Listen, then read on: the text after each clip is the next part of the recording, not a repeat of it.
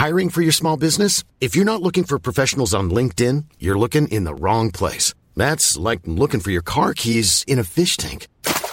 LinkedIn helps you hire professionals you can't find anywhere else, even those who aren't actively searching for a new job but might be open to the perfect role. In a given month, over 70% of LinkedIn users don't even visit other leading job sites. So start looking in the right place. With LinkedIn, you can hire professionals like a professional. Post your free job on linkedin.com slash people today.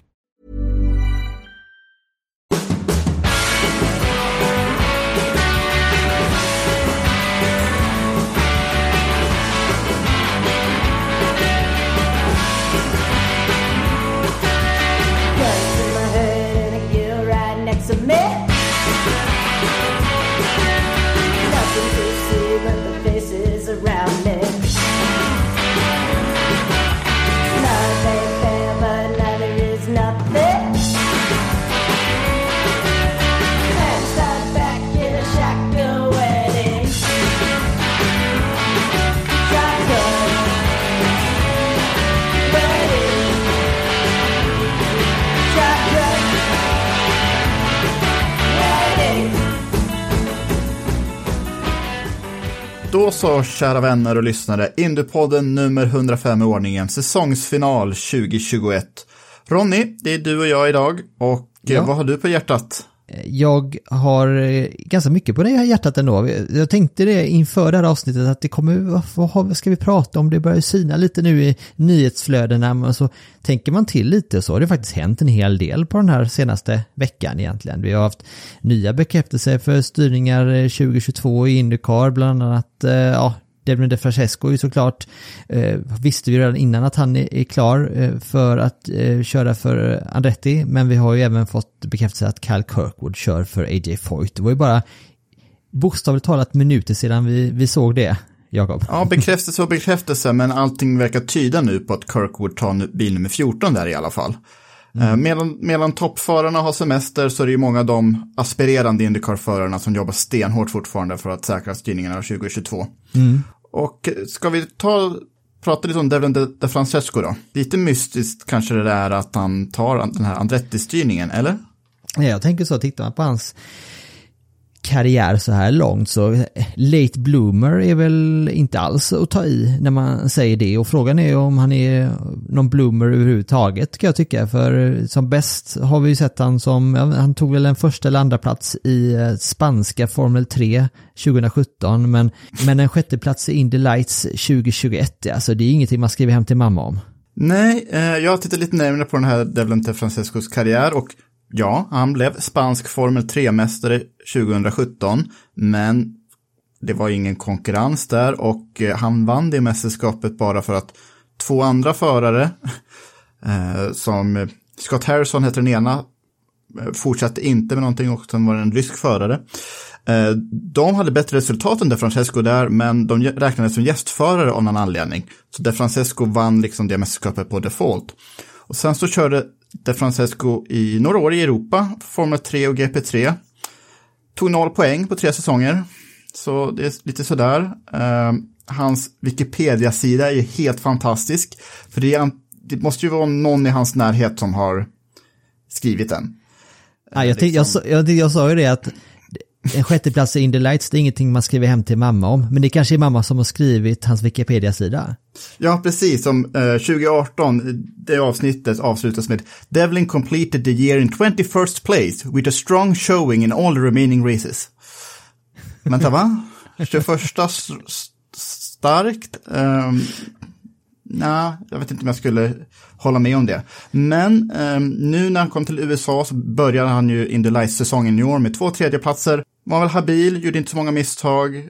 Sjätte plats totalt i Delights, Eh, gjorde bra test med Andretti, var ju liksom i höjd med Kyle Kyle Kirkwoods och David Malukas tider. Och även Linus Lundqvists tider. Och han har en stark backare i sin familj då.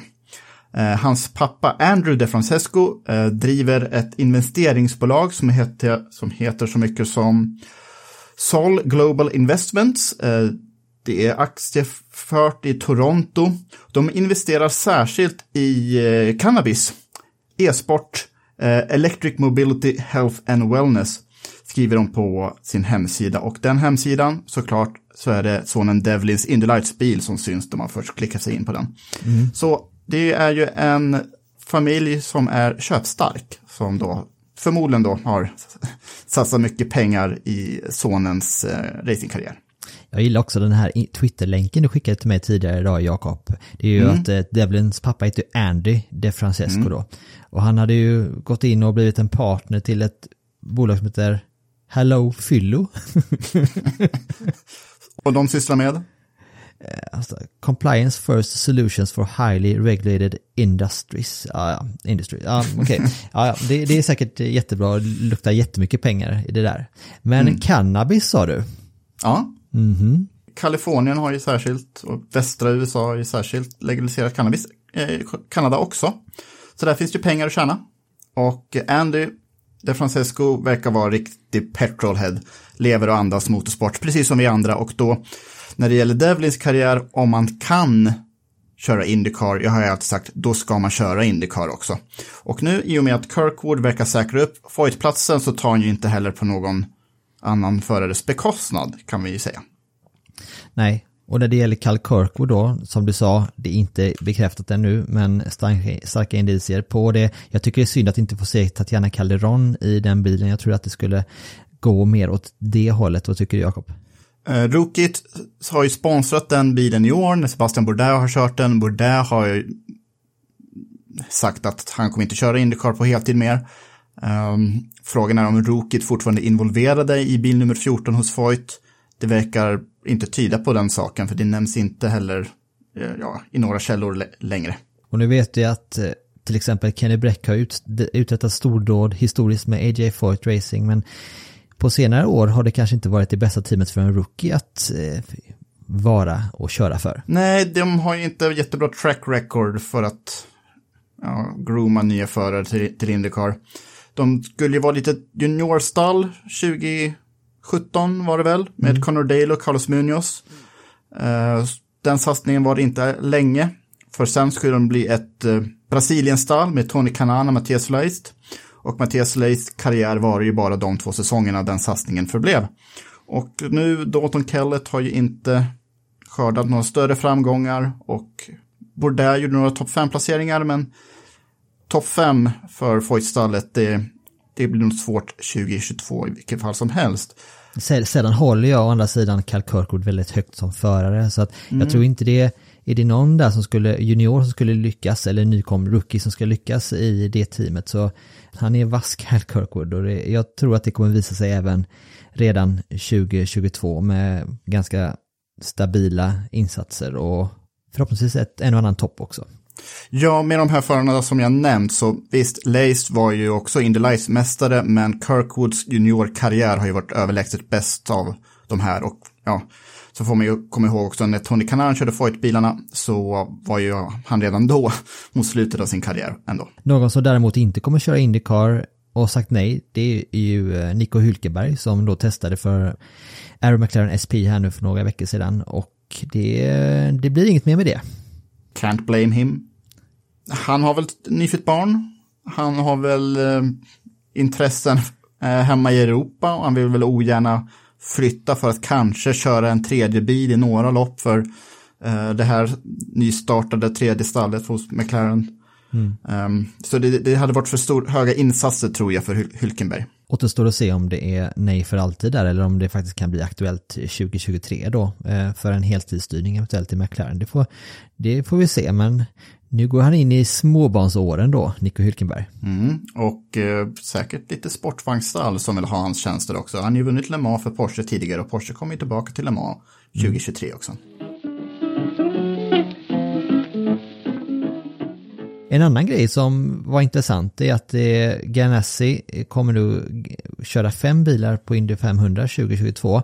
Eh, vilket innebär, alltså, bekräftar ju att eh, Jimmy Johnson nu kör Indy 500 och vad tror du mer om hans ovaläventyr 2022? Spännande ändå. Eh, jag tror att han helhjärtat kommer försöka på Indy 500, men eftersom vi kan väl nu redan nu säga att han kommer inte kämpa om titeln förra året. Så jag tror inte han vill liksom satsa på att kanske harva runt en 15 plats i Texas. För där, här- där är riskerna nog ännu högre än eh, på Indianapolis. Det såg vi i årets race där med Conor Daly som flög upp och ner. Men Indy 500 det är ju en för stor tjusning att tacka nej till när man ändå sitter i en Ganassi-bil och har alla resurser de har. Så jag tror Johnson jättegärna vill eh, prova på det åtminstone en gång. Om det nu är så då, att eh, så som du spekulerar i Jakob, så blir det ju att vi får se Tony Kanan eh, åtminstone två gånger nästa år då. Eh, det blir då på Indy 500 och eh, kanske även i Texas då. Det, det låter ju logiskt ändå det du säger Jakob, och det mesta som du säger låter logiskt. Ja, låt se sen vad eh, Johnson tycker om kortovalerna och Iowa Gateway. Eh, Där, där har ju Kanan varit väldigt bra tidigare år. Han var ju fortfarande bra när han körde i eh, Texas eh, i våras. Eh, Så om inte Johnson vill köra mer ovaler så har de ju en okej reserv. Ja, för att köra enstaka race med upp till fem bilar då, som Ganassi kommer göra nu, det kommer inte göra någon större inverkan på fokus för teamet. Jag tänker, det var ju någonting vi pratade om väldigt mycket om för två år sedan, till exempel när Andretti hade ungefär 250 bilar med i startfältet, fast helsäsong då. Eh, Och då tänkte jag, ah, okej men hur fungerar, är det verkligen så bra? Och det kanske, de kan tappa fokus och kan liksom inte hålla lika hög nivå rakt igenom så. Men jag, det, förmodligen är det inte riktigt samma sak när man pratar till exempel Indy 500. För dels är det så mycket resurser som läggs in där. Man kan fokusera på en extra bil under en väldigt begränsad tid. Ehm, och sen kan de ju faktiskt plocka ganska duktigt folk också från IMSA. Ja, På tal om Andretti. Det var ju synd Ja. att det inte blir någon Formel 1 för dem. nej, det verkar inte bli så. Alfa Romeo och Sauber vill ju inte släppa ifrån sig kontrollen. Man vill nog gärna ha investerare och det vill man väl alltid ha när man är i Formel 1. Men Andretti vill väl satsa på det av sportsliga skäl, inte av ekonomiska skäl. Så där tröt det. Ja, förståeligt men också lite synd. Eh, Jag tänkte så som i det situationen som Formel 1-teamen är idag nu och man går in liksom i ett nytt reglemente inför 2022 så det är klart att man inte vill släppa ifrån sig den sportsliga kontrollen här nu för man vet inte vad som kommer hända och det har redan plöjts in väldigt, väldigt mycket pengar i, i nästa säsong. Ehm, Så det är väl så att tajmingen helt enkelt inte är helt hundra nu och som du säger Andretti är ju inte ett team som det är inget holdingbolag, det är liksom inget investmentbolag utan det är ju ett, de ska ju driva team, inte bara äga dem. Och det, ja, det hade varit roligt att se Colton Hurta i en Formel 1 här nu, men det kanske blir lite längre fram. Tror du Hurta är besviken? Jag tror inte han är besviken, jag tror att han kör vilken racerbil han, han, han ges. Eh, oavsett om det är Indycar eller Formel 1. Jag tror inte heller det hade gått tillräckligt långt i diskussionerna för Hurta skulle liksom vara helhjärtat in i Formel 1 riktigt än. Eh, men jag tror inte att Formel 1-dörren är stängd ännu för unge Hurta. Han är ju ja, han är 22. Det är inte en ålder alls egentligen. Så ja, det hade varit kul att se Hurta, men jag tror inte han är besviken för det. Jag tittar ju mycket på Formel 1-förare som kommer till Indycar. Det är liksom, det är mycket av våra diskussioner har kretsat kring det under de senaste två säsongerna egentligen. Ehm, men om man tänker åt andra hållet, lite den resan som Colton Hurta eventuellt kommer att göra. Har du några ex bra exempel på förare som har lyckats i Indycar och sedan lyckats i Formel 1? Det är ju väldigt få egentligen som har vågat göra den färden. Mario Andretti är ju det bästa exemplaret, men det är ju så länge sedan så det är en helt annan generation. Vad var det han hette? Mario Andretti, hört talas om honom? Nej. Jag tror faktiskt inte. Nej. Är det han eh, italienaren? Är det han som var med i podden tidigare år, i år? Det, det stämmer. Ja, ja just det. Vi Han. snackade med honom om det. Ehm, om hur det var att flyga mellan två serier. Och han körde ju väldigt mycket racerbilar överhuvudtaget då. Eh, glada 60-70-talet. Och sen, med de, i nyare generationer så är det ju bara knappt en handfull. Michael Andretti finns ju ett det ökända exe- exemplet. För han, han, vill- han, säger, han vill ju alltid säga att han gjorde det helhjärtat. Men han hade ju aldrig någon bostad i Europa. Det här var ju på Co- Concorde-tiden, så han hävdade ju alltid att ifall jag behövs på fabriken så kan jag vara där på sex timmar. Det är som att köra ifrån Birmingham eller någonting. Eh, Men McLaren då, som han körde för, de hade ju Mika Häkkinen som de var mer taggade på. Jag menar alltså Ron Dennis. Som, ja, Michael fick ju inte ens en hel säsong, utan det var ju till och med så att Mario fick över, övertala stallet att låta Michael köra Italiens Grand Prix åtminstone, för det betydde så mycket för Andretti-familjen. Och det var då Michael slog till med sitt bästa resultat i alla fall, en tredje plats. Men lopp, loppet därefter var ju Mika Häkkinen i den bilen och eh, kvalade ut Ayrton Senna, något som eh, Andretti inte var ens i närheten av. Och Eh, det kan väl bero på för att Häckenen hade ju testat den här bilen i stort sett varenda vecka under hela året, medan Michael fick väldigt lite testtid. Just för han var lite envis med att han ville bo kvar i Nazareth i Pennsylvania. Men Michael hade ju faktiskt ändå testat ett antal Formel 1-bilar i flera år innan dess. Så det var inte så att han var helt oförberedd, men det var politiken i stallet som jag tror döm, dödsdömde just hans Formel 1-försök. Men bara ett par år senare, Jack Villeneuve. Mm. Det är helt fantastiskt hur bra Jack Villeneuve var i mitten av 90-talet. Eh, Formel Atlantic-mästare 93, Indy 500, Indycar Rookie of the Year 94, Indy 500, Indycar-mästare 95. Tvåa i Formel 1-VM, pole position för första försöket i Australien 1996, Formel 1-världsmästare 1997. För att det var ett stall som helhjärtat satsade på honom. Williams-stallet då. Så det gick ju jättebra för Villeneuve då. Och sen så dalade hans karriär. Och sen efter dem så finns ju Alex Zanardi som efter att ha vunnit två kartmästerskap kom tillbaka till Formel 1. Gick ingen vidare där. Sen är det väl Sebastian Bourdais va? Ja, han, han började ju i... eh, Ja, efter Formel 3000 så kom ju Bourdais till Champ Car Kart alltså. Det här var ju under split-åren, vann fyra raka mästerskap där. Och sen Toro Rosso i ett och ett halvt år bredvid Sebastian Vettel. Så det var ju också typ som, som vad som hände för Michael Andretti. Hamna blev, bredvid en fantastisk gudabenådad förare som är liksom en i en generation. Så det dömde ju också Bourdais karriär. Jag kommer ihåg det här loppet där Vettel vann på Monza när det regnade och eh, just Toro Rosso-bilen hade ju varit superbra på kvalet. Men Bourdais fick ju motorstopp på uppvärmningsvarvet. Så han var ju varvad innan loppet ens hade startat. Det rånade ju stallet från en dubbelseger tror jag. Så det var Bourdais enda chans liksom att få ett framskjutet resultat i Formel 1. Sen dess så, exemplen Michael Andretti, Sebastian Bourdais och sen lite också Alexander Ardin 1999. Det tror jag avskräckt många Formel 1-stall att eh, satsa på Indycar-förare. Och nu har jag glömt Juan Pablo Montoya i och för sig.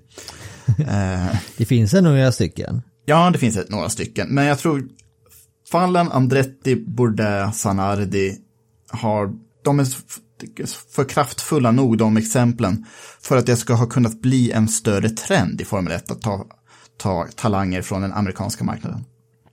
Jag funderar på det om man tänker ännu längre tillbaka i historien. Jag tänkte innan Indycar blev Indycar, vi pratar USAC kallar vi det för va? Ja. Ehm, finns det några, jag, jag tänkte först på så Dan Gurney till exempel och så, men han började faktiskt i, Han började i- i europeisk racing. Ja. ja, har vi några andra så här långt tillbaka i tiden som ändå kan räknas som att amerikanska förare som började i USA och sen kom över till, till Formel 1?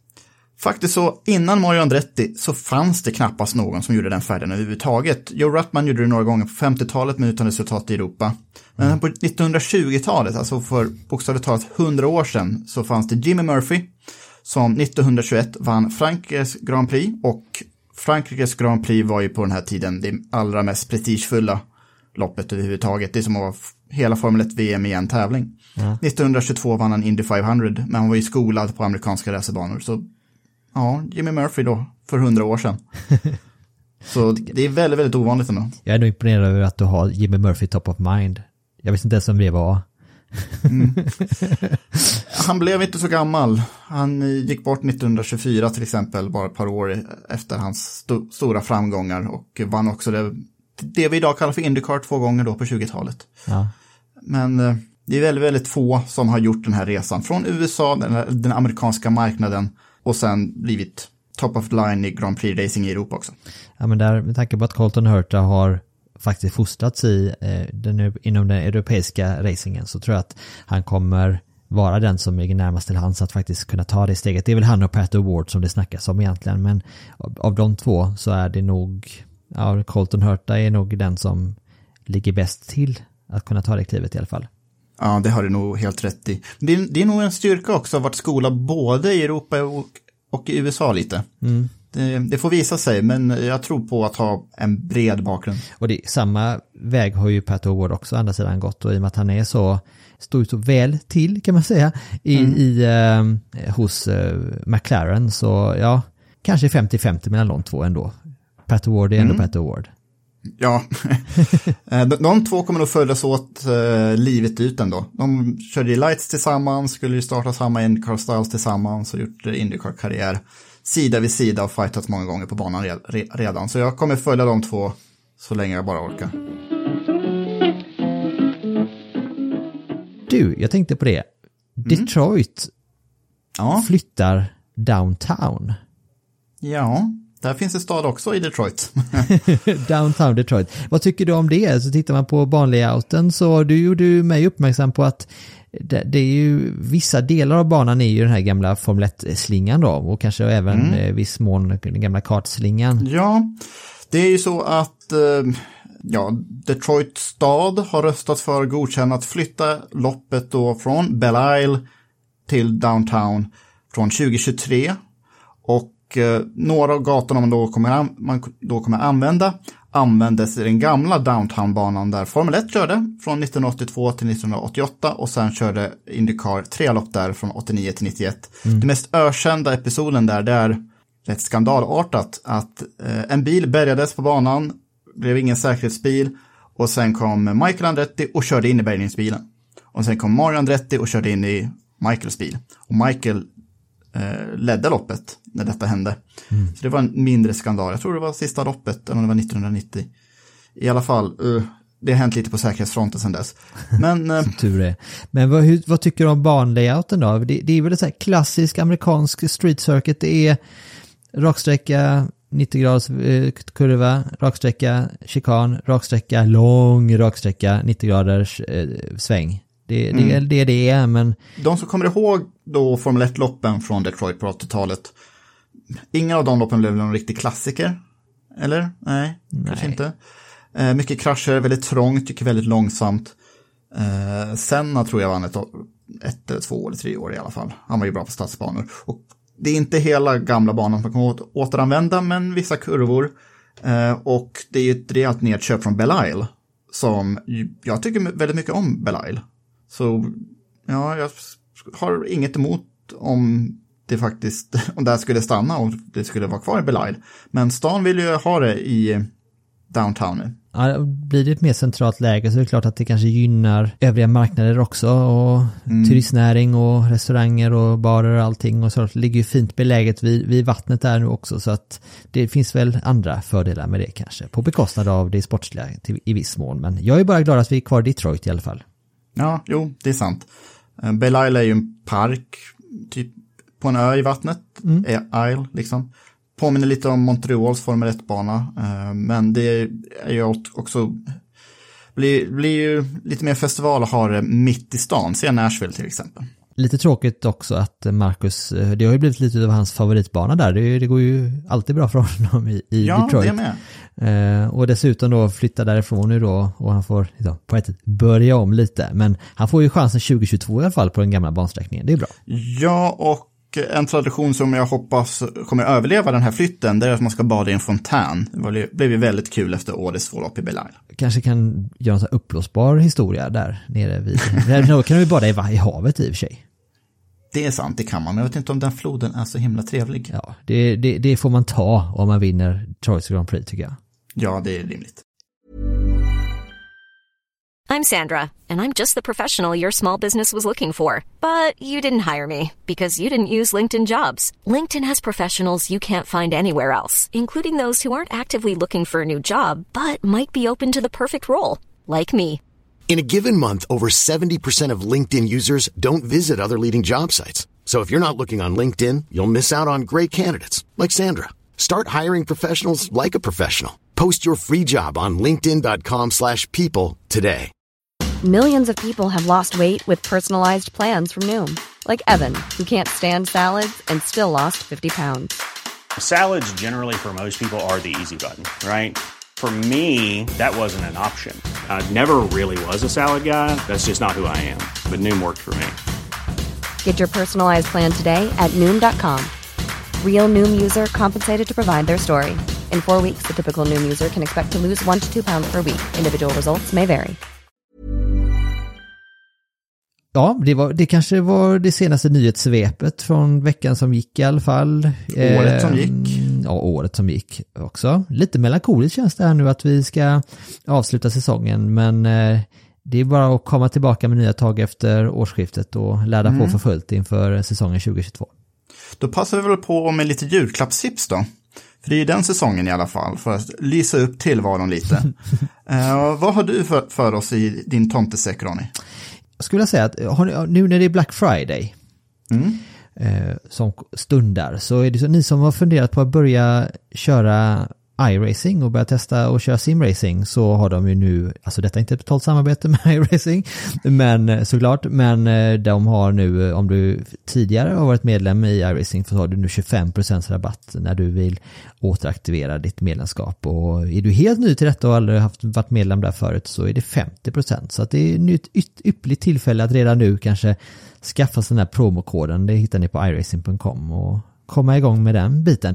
Jag vill ju att du ska ta upp det igen Jakob så du och jag kan köra ihop lite. Jag har till 4 december att bestämma mig i alla fall, så det är ju, det är fyra veckor åtminstone. Det kliar lite fi- i fingrarna ändå att jag vill testa de här 80-tals Nascar-bilarna. Jag skulle ju väldigt gärna se att det fanns lite mer Indycar-content på iRacing. Nu finns väl de två senaste generationerna typ. Men de här Nascar-bilarna är ju riktigt fräna från 80-talet. Det kommer ju mer sånt också, för det är ju nog iRacings största kundkretsen då, Nascar-fansen. Eh, men eh, sånt brukar jag tycka om att eh, köra på valbanor, så jag ska fundera på saken i alla fall, Ronny. Sen så har ju såklart på tal om rabattkoder då, det är någonting i, på stefanjohansson.arts webbshop där, där ni som sagt alltid har 20% i rabatt i webbshoppen när ni anger rabattkoden Indiepodden. Nå, ett, någon form av artwork där tror jag, hade, det kommer nog bli någon sån som jag kommer ge bort i julklapp i alla fall. Mm, jag behöver också i och för sig eh, lite mer konst på mina vä- väggar, så det kan jag nog också använda. Du hade lite, har du lite, du brukar alltid ha böcker som julklappstips. Ja, jag har två tips och två på min egen önskelista. Eh, första tipset, jag kanske har nämnt det tidigare. Black Noon, The Year They Stopped the Indy 500 av Art Garner. Eh, den släpptes, var väl 2014 första gången i en inbunden upp, upplaga. Nu finns den som häftad, finns på alla, ja, Adlibris, Bokus, you name it. Det handlar om Indy 500 året 1964 och den här har jag läst och det är jättedetaljerat om ja, Indycar på 60-talet, om karaktärerna, om tekniken, att de använde nitrogas liksom i, i, i, eh, i bilarna för att få, få dem att Eh, producera kvalvarven och eh, hur de testade fram däck. Men särskilt handlar det ju om ju den fruktansvärda olyckan där två förare eh, miste livet och det var första gången som Indy 500 stoppades med en röd flagg på det andra varvet.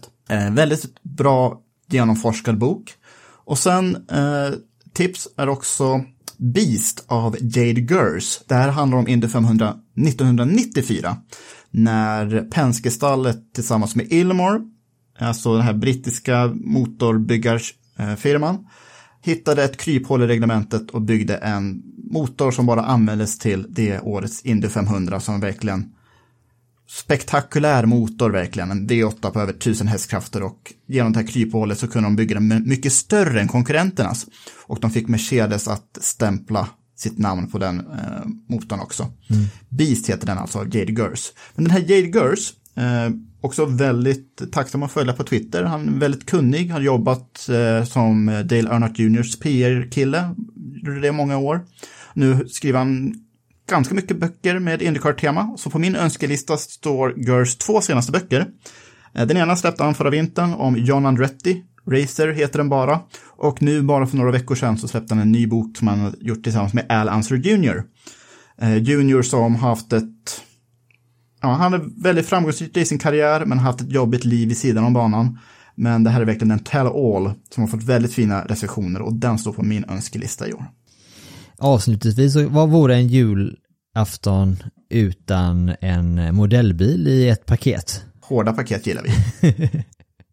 Jag tänkte jag brukar ju alltid gå in på vår samarbetspartner eh, Tico Racing Shops hemsida, ticoracingshop.com och botanisera bland hans hundratals eller tusentals modeller i sortimentet där och där har han ju faktiskt, om man är inne i webbshoppen, där en Indycar-flik där man kan gå in och handla Indycar-modeller. Där finns ju bland annat eh, Felix Rosenqvists eh, Indycar-modell från 2021. Vi har eh, Marcus Erikssons 2021-bil också.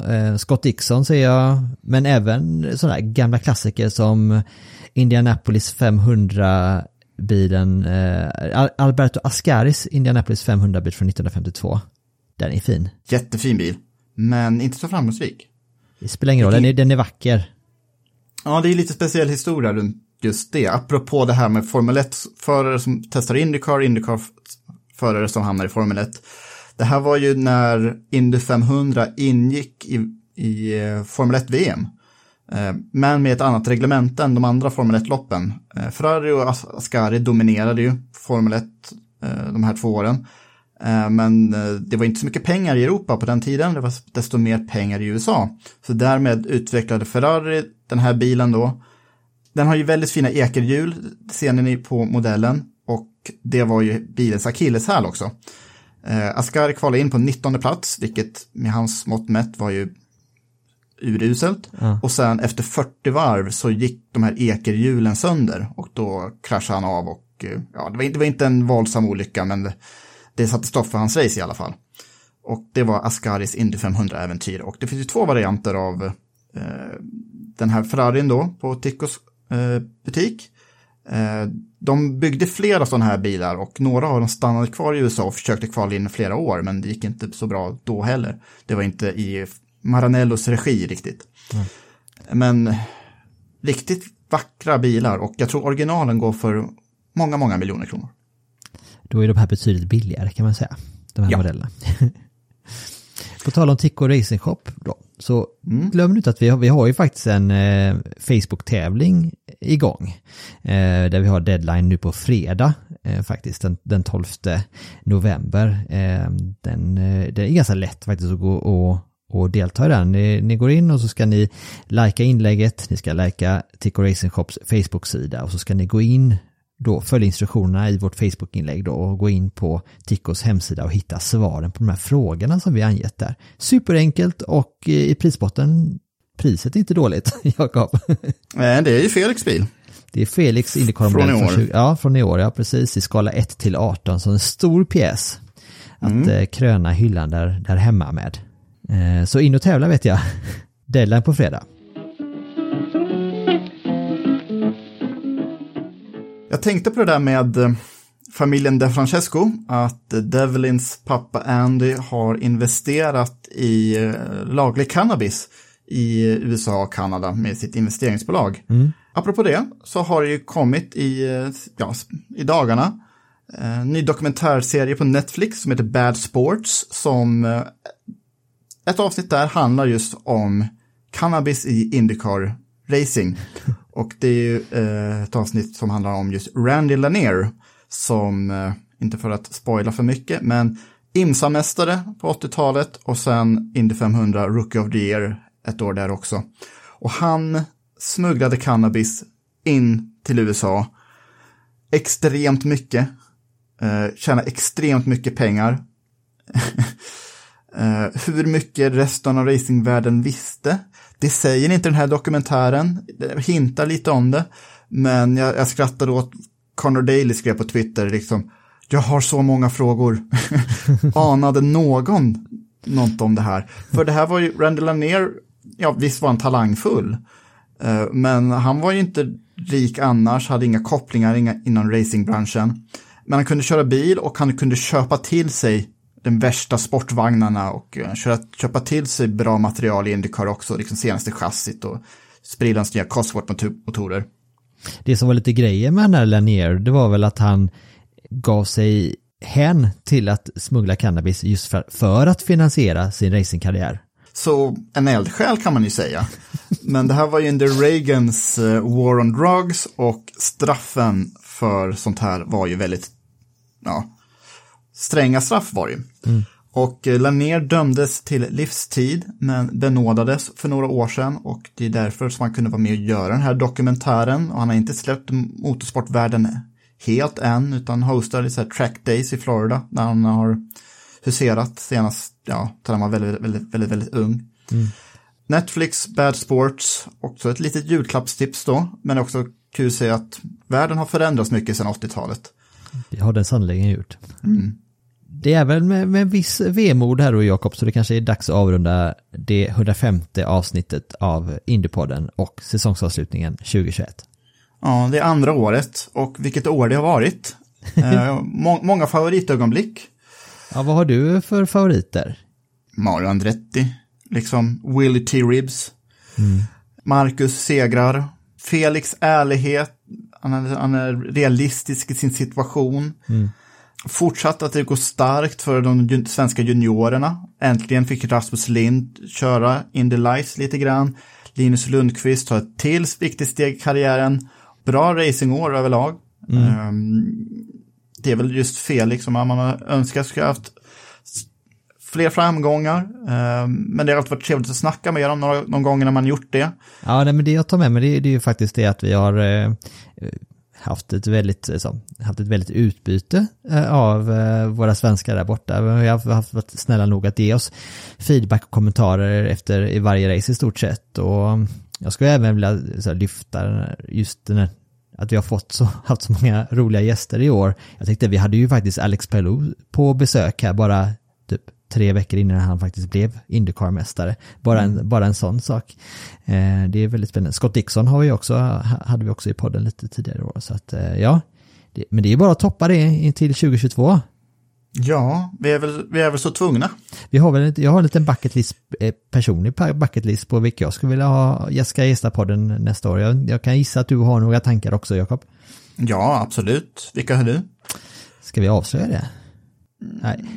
Jag kommer ge mig tusan på att jag ska fixa Helio Castroneves i alla fall till säsongspremiären eller någon gång, någon av första. Det vore, vore härligt. Det brukar ju lösa sig. Ja. Tänk att man har ändå suttit och snackat racing med Beth Paretta och Connor Daly och ja, Mario var ju helt overkligt och Willie T. Ribs var ju väldigt kul för det var precis under den här stora stormen i Texas eh, där det blev lite, lite omtag fram och tillbaka och, och bolla med, med tider och så. Men han var ju jättetrevlig och, och jättetaggad och pra, prata med oss. Och det, det, man blir så ödmjuk av sådana situationer. Så att det bara ska stärka mig under juluppehållet. Och sen så blir 2022 minst lika bra. Och extra ödmjuk måste jag säga också att man blir eh, när man liksom ser hur det blir fler och fler som lyssnar på oss och eh, alla glada tillrop eh, från avsnitt till avsnitt. Det, det, det stärker och är otroligt inspirerande att, att höra. Så tack, tack för att ni står ut med oss vecka efter vecka. Extra tack också när ni som eh, eh, klickar in er på Acast supportsida och eh, det, det värmer också såklart. Ja, absolut. Eh, tack till våra samarbetspartners Automotorsport och TickoRacershop.com. Som sagt, missa inte vår Facebook-TV med Tico där vi har deadline nu på fredag. Och glöm inte att ni alltid har 20% rabatt i webbshoppen på stefanjohansson.art när ni anger rabattkoden. Indiepodden. Så från Ronny Larsson Miles, Jakob Fredriksson, Anna Andersson och Gergej Farkas. Tack för den här säsongen. Tack alla.